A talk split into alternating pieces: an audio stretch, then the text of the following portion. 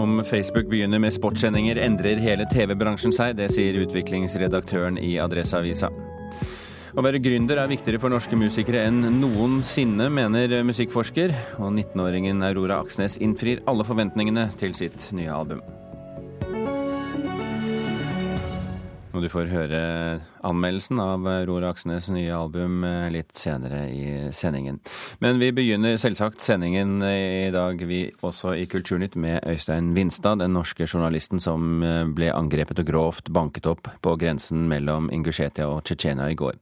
Han satt i en minibuss sammen med flere andre journalister da flere menn gikk til angrep.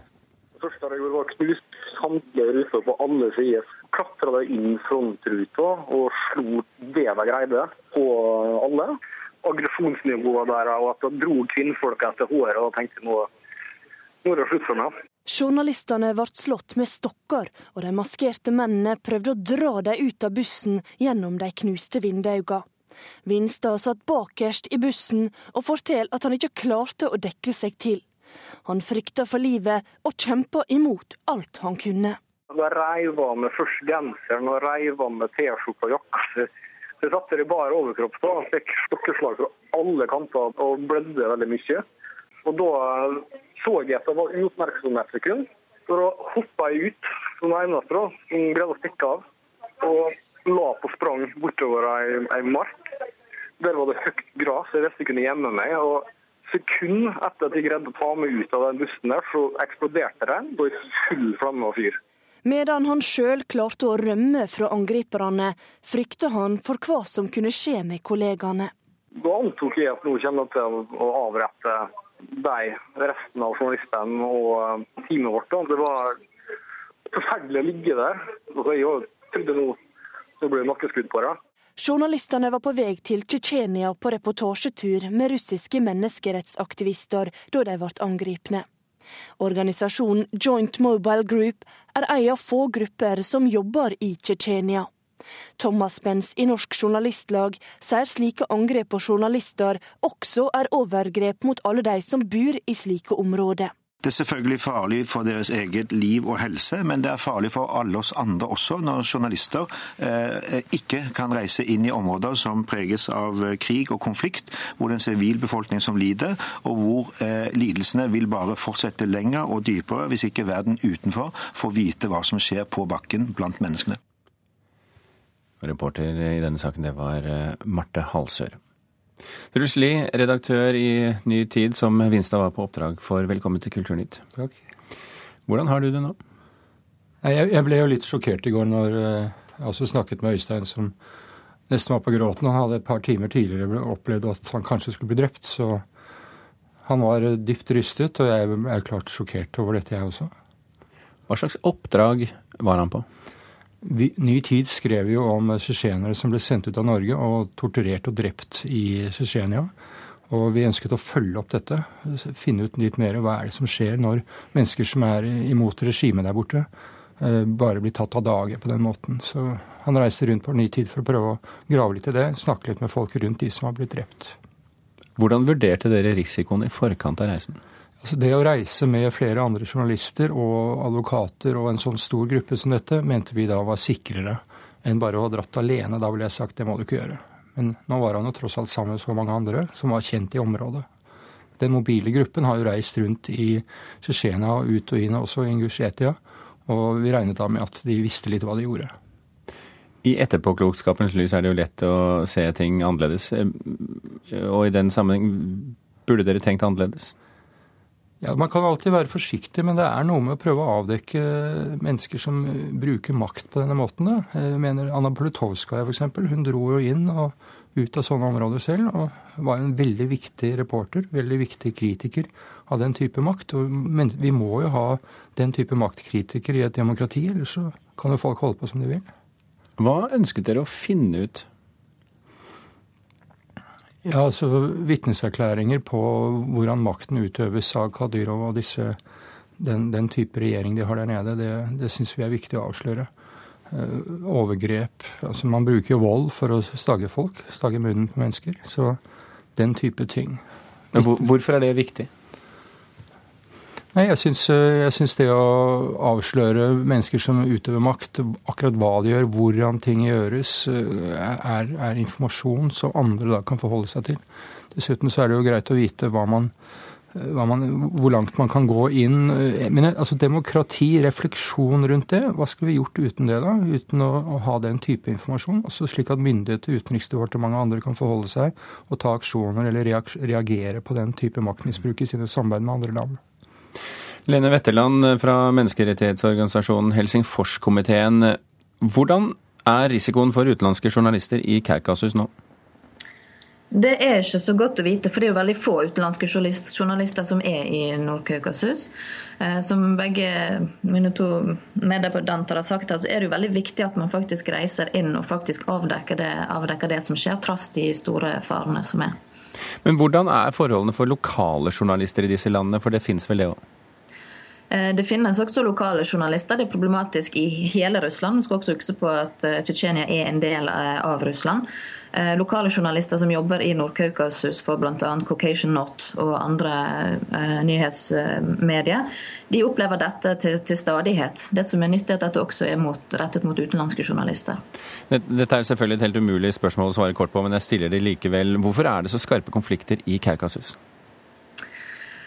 Ja, Det er ikke lett å svare kort, eh, kort, på. Eh, men det er en straffefrihet som har fått, ut, eh, som har fått befeste seg i, i Nord-Kaukasus, i Tsjetsjenia, som òg har spredd seg til naborepublikkene. Og den straffefrihet for de som gjør overgrep, det er noe som sprer seg, og det er veldig farlig. I hvilken retning går, det, går utviklingen i Kaukasus? Den går dessverre ikke riktig vei. Altså, man har fått flere eh, utspill fra president Kadyrov i det siste som viser at han eh, er på vei ut av de rammene på en måte han har fått tildelt fra president eh, Putin. Deres plan, eller mm, ja, Deres plan er jo at vise at Tsjetsjenia er et rolig område. Nå er det orden der, Kadyrov har kontroll. Men sånne situasjoner som dette viser jo at det ikke er sånn. Men hvorfor skal norske journalister risikere egen sikkerhet for å dekke dette området? Eh, det er viktig å få uh, vise hva som faktisk skjer, som uh, Truls Lie også sier. Altså, dette er maktmisbruk på sitt aller sterkeste og verste. lokale journalister blir utsatt for denne type overgrep jevnlig. Eh, det er òg viktig at internasjonale journalister reiser for å dekke det som de kan. Det er mindre sannsynlig at en, med, en, større gruppe med journalister og advokater ville blitt angrepet. Og nå er det veldig overraskende at de faktisk har blitt det. Hva er ditt råd til norske aviser og til Truls Lie som sitter her? Eh, ja. Eh, det er jo, jeg er veldig stolt og glad over å høre det som blir sagt om at det er viktig å eh, avdekke disse overgrepene som skjer. Jeg vet òg at Truls Lie og Vinstad og andre har diskutert bl.a. med oss sikkerhetsaspektene rundt dette. Joint Mobile Group er en veldig erfaren gruppe som selv jobber i regionen i, i årevis. Vi har jobbet tett med dem i årevis og vet at de kjenner til forskjellige for risikoer. Og alle slags forhåndsregler må tas, men det er òg veldig viktig å avdekke det som skjer.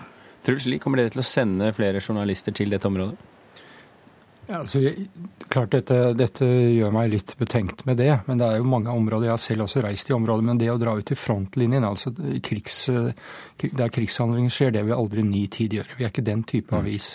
Hva gjør dere nå de neste dagene, bl.a. for å få Øystein Winstad hjem? Jeg snakker, snakker jo jevnlig med Øystein, og nå En ting er å få han hjem, det, det tror jeg UD og ambassaden i Moskva sørger for, men vi ser, ser frem til den artikkelen han skriver om egne opplevelser i, i, avisen. Og jeg kommer også selv til å skrive rundt det, det med sikkerhet, eller spesielt hva man kan avdekke når man reiser i sånne områder. Truls Lie, redaktør i eh, Ny Tid, og Lene Veteran fra Helsingforskomiteen, tusen hjertelig takk for at dere kom til Kulturnytt. Klokken har eh, passert eh, kvart over åtte. Du hører på Kulturnytt, og dette er toppsakene i Nyhetsmorgen nå. Miljøpartiet De Grønne går kraftig tilbake på NRKs måling. Oppslutningen er nå på 2,6% ned med 1,6 prosentpoeng fra februar til mars.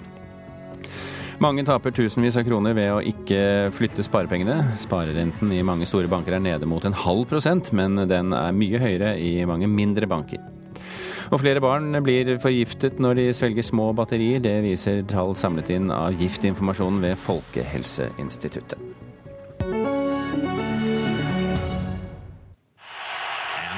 Panthers have a third and 10. Here comes pressure, and they've gotten to him. The ball zone, recovered by Malik Jackson for the touchdown. Ja, vi snakker om amerikansk fotball i dette tilfellet. 112 millioner amerikanske TV-seere satt klistret da Denver Broncos tok innersvingen på Carolina Panthers i årets Superbowl-finale for en måned siden. Finalen ble sendt på CBS, en tradisjonell TV-kanal, men Tradisjonelle TV-kanaler de vil i fremtiden få konkurranse fra nytt hold om denne typen rettigheter, og til det amerikanske magasinet Vanity, nei, unnskyld, Variety sier en av Facebook-toppene at de er villige til nå å by også på sportsrettigheter. Det er nettmagasinet Medier24 som skriver dette. Og Ingeborg Woland, utviklingsredaktør i Adresseavisen. Skjelver TV-bransjen i buksene nå? Hvis de ikke gjør det, så tenker jeg i hvert fall at de burde gjøre det. For det her er et ganske dramatisk skift i hva som har vært eh, Facebook sin innretning til innhold. Ja, Hva slags skifte snakker vi om? Nei, Inntil nå så har Facebook eh, utelukkende vært en plattform hvor du deler det innholdet andre allerede har laga. De har ikke sjøl hatt noen oppfatning om hvilket innhold som bør være der. Det har vært et resultat av hva du og jeg har lyst til å dele med våre venner, eller f.eks. NRK har lyst til å legge ut der sjøl. Så når, Facebook nå indikerer at de også vil by på sportsrettigheter, hvordan eh, ser fremtiden ut i så måte? Jeg tenker at det er et ganske stort skift, for vi snakker om verdens største medieaktør her. Facebook er en global plattform med godt over en milliard brukere rundt omkring i hele verden. Eh, og TV-rettigheter til idrett særlig, men også til kulturarrangementer, er allerede ganske dyre. Når en sånn aktør hiver seg inn i kampen med de finansielle musklene som Facebook har, eh, da er jeg i hvert fall glad for at ikke jeg skal sitte og forhandle rettighetene til Premier League for norsk TV. Hvordan posisjonerer nå norsk TV og de andre internettselskapene seg i denne kampen? For det er jo en kamp vi er i ferd med å se konturene av her. Ja, og det vi ser er en kamp mellom type tradisjonelle kringkastingsvirksomheter og nye internettselskaper. Eh, Facebook er en av dem som har signalisert at de vil gjøre ting. Eh, Amazon med sin nye strømmetjeneste er også på banen i en del rettighetsdiskusjoner, og bestiller også originalt dramainnhold. Så vi ser et slags sånn paradigmeskifte fra tradisjonell kringkasting til at de store internettgigantene også blir innholdsaktører. Eh, og for oss som forbrukere så kan dette være fryktelig spennende. På hvilken måte? Um, kanskje først og fremst det at jeg tror vi vil se, hvis Facebook får f.eks. tilslaget på rettigheter til fotball i USA, da, så tror jeg vi vil se det presentert på helt nye måter. Facebook oppleves veldig nært og personlig, og de har interesse av å komme backstage i en helt annen grad opp eh, personlig med idrettsstjerner eller kjendiser. Eh, men kanskje vel så mye. Facebook er en stor teknologiaktør og eier f.eks. en av de viktigste virtual reality-aktørene, som heter Oculus Rift. Og når vi begynner å se på det, så kan vi tenke oss at eh, de har lyst til å definere en helt ny måte å overføre idrett på, som oppleves i 3D i din egen stue. Eh, men hvordan vil, de, hvordan vil de utnytte det de vet om den enkelte brukeren? For det er jo viktig når det gjelder Facebook. De har veldig god kunnskap om brukerne sine. Og hvordan vil de utnytte det når de skal gå inn i rettighetsforhandlinger? De har jo ikke sagt noe om det, men jeg kan jo se for meg at de har en veldig stor fordel. da. Eh, for én ting er jo de her store, dyre rettighetene til idretter som alle bryr seg om. Fotball og andre typer fotball og ishockey og sånt. Men Facebook sitter jo rundt og vet nøyaktig hvem de 200 000 i verden er som er lidenskapelig interessert i bueskyting. Ja. For, eksempel. Eh, for det har du og jeg allerede fortalt Facebook eh, gjennom å registrere våre interesser og hva slags innhold vi deler. Så hvis Facebook har lyst til det, så kan de nok helt sikkert definere nye globale innholdsnisjer i det som er for smale markeder for tradisjonell TV. Er du eh, interessert eller redd når du ser denne utviklingen? Eh, litt begge deler, hvis jeg skal si det sånn. Jeg jobber i tradisjonelle mediebedrifter, og Facebook er nok den største skal vi kalle det frenemy, venn mm. og fiende på en gang, vi har. Så eh, jeg syns fra et forbrukerståsted at det er veldig spennende. Og så er Facebook en sånn spiller som jeg også har en vesentlig grad av ærefrykt overfor. Ingrid Boland, utviklingsredaktør i Adresseavisen, takk for at du var med oss fra Trondheim.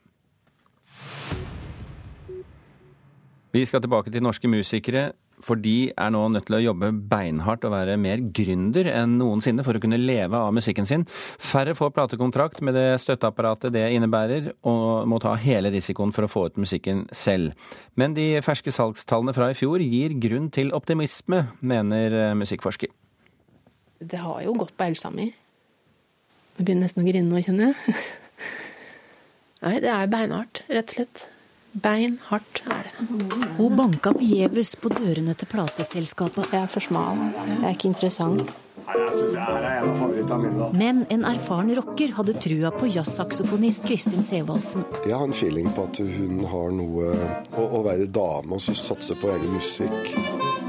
Nå blir det utgivelse på eget selskap etter å ha vært i studio hos Ronny Letekerød på Toten. Dessverre så er det sånn at mange må jo være businessmennesker og sin egen manager og nesten ofre hus og hjem. Så nå er jeg litt sånn på sponsorjakt.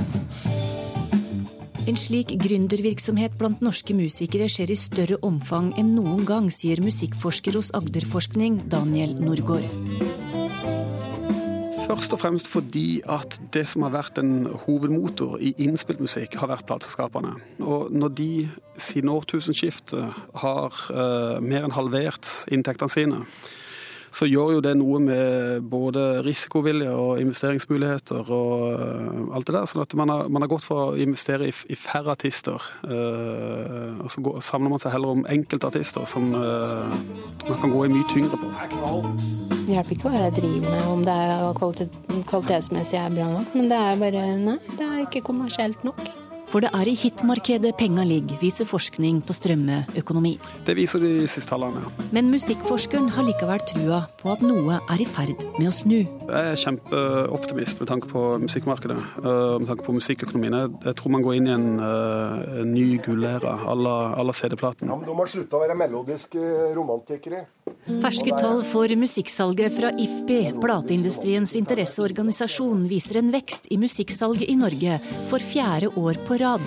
Så vi hadde 7, 7 økning i 2015. Så i løpet av de siste fire årene så har det vært en veldig positiv endring totalt sett kan du si, på innspilt musikk. Og så er det jo litt mer utfordringer på hvordan de inntektene blir fordelt. Ronny Litekrø er skeptisk fordi tilgangen på musikk på nettet har gitt oss kjøpere dårlige vaner. Mamma og pappa får meg 50 000 i måneden utbetalt, ikke sant. Eh, Så skal unga sitte og downloade gratis musikk. Hvordan oppdragelse er det? Ikke sant? Det er jo så å avle opp eh, unga sine og seg sjøl til systematisk tyveri. Det er det som er sannheten. Ikke så mye i Norge lenger, fordi at strømmodellen strømmemodellen har, uh, har utfordra piratmarkedet. At man ser en markant nedgang i, i ulovlig nedlasting og ulovlig forbruk. Og vi er betalingsvillige, mener han. Vår månedlige innbetaling til strømmetjenester er en stor økning i seg sjøl mot tidligere. Jeg tror brorparten av, av det platekjøpende publikummet ikke kjøpte ca. ei plate i måneden. Altså, jeg har jo ideer på to produksjoner til. Jeg er veldig øh, optimistisk på det. Hold ut. Det sa musikkforsker Daniel Norgård. Reporter her, det var eh, Torunn Myhre. Og det var dermed hun som fikk eh, æren av å avrunde Kulturnytt i dag. Gjermund Jappé og Birger Kolsrud Aasund takker for følget.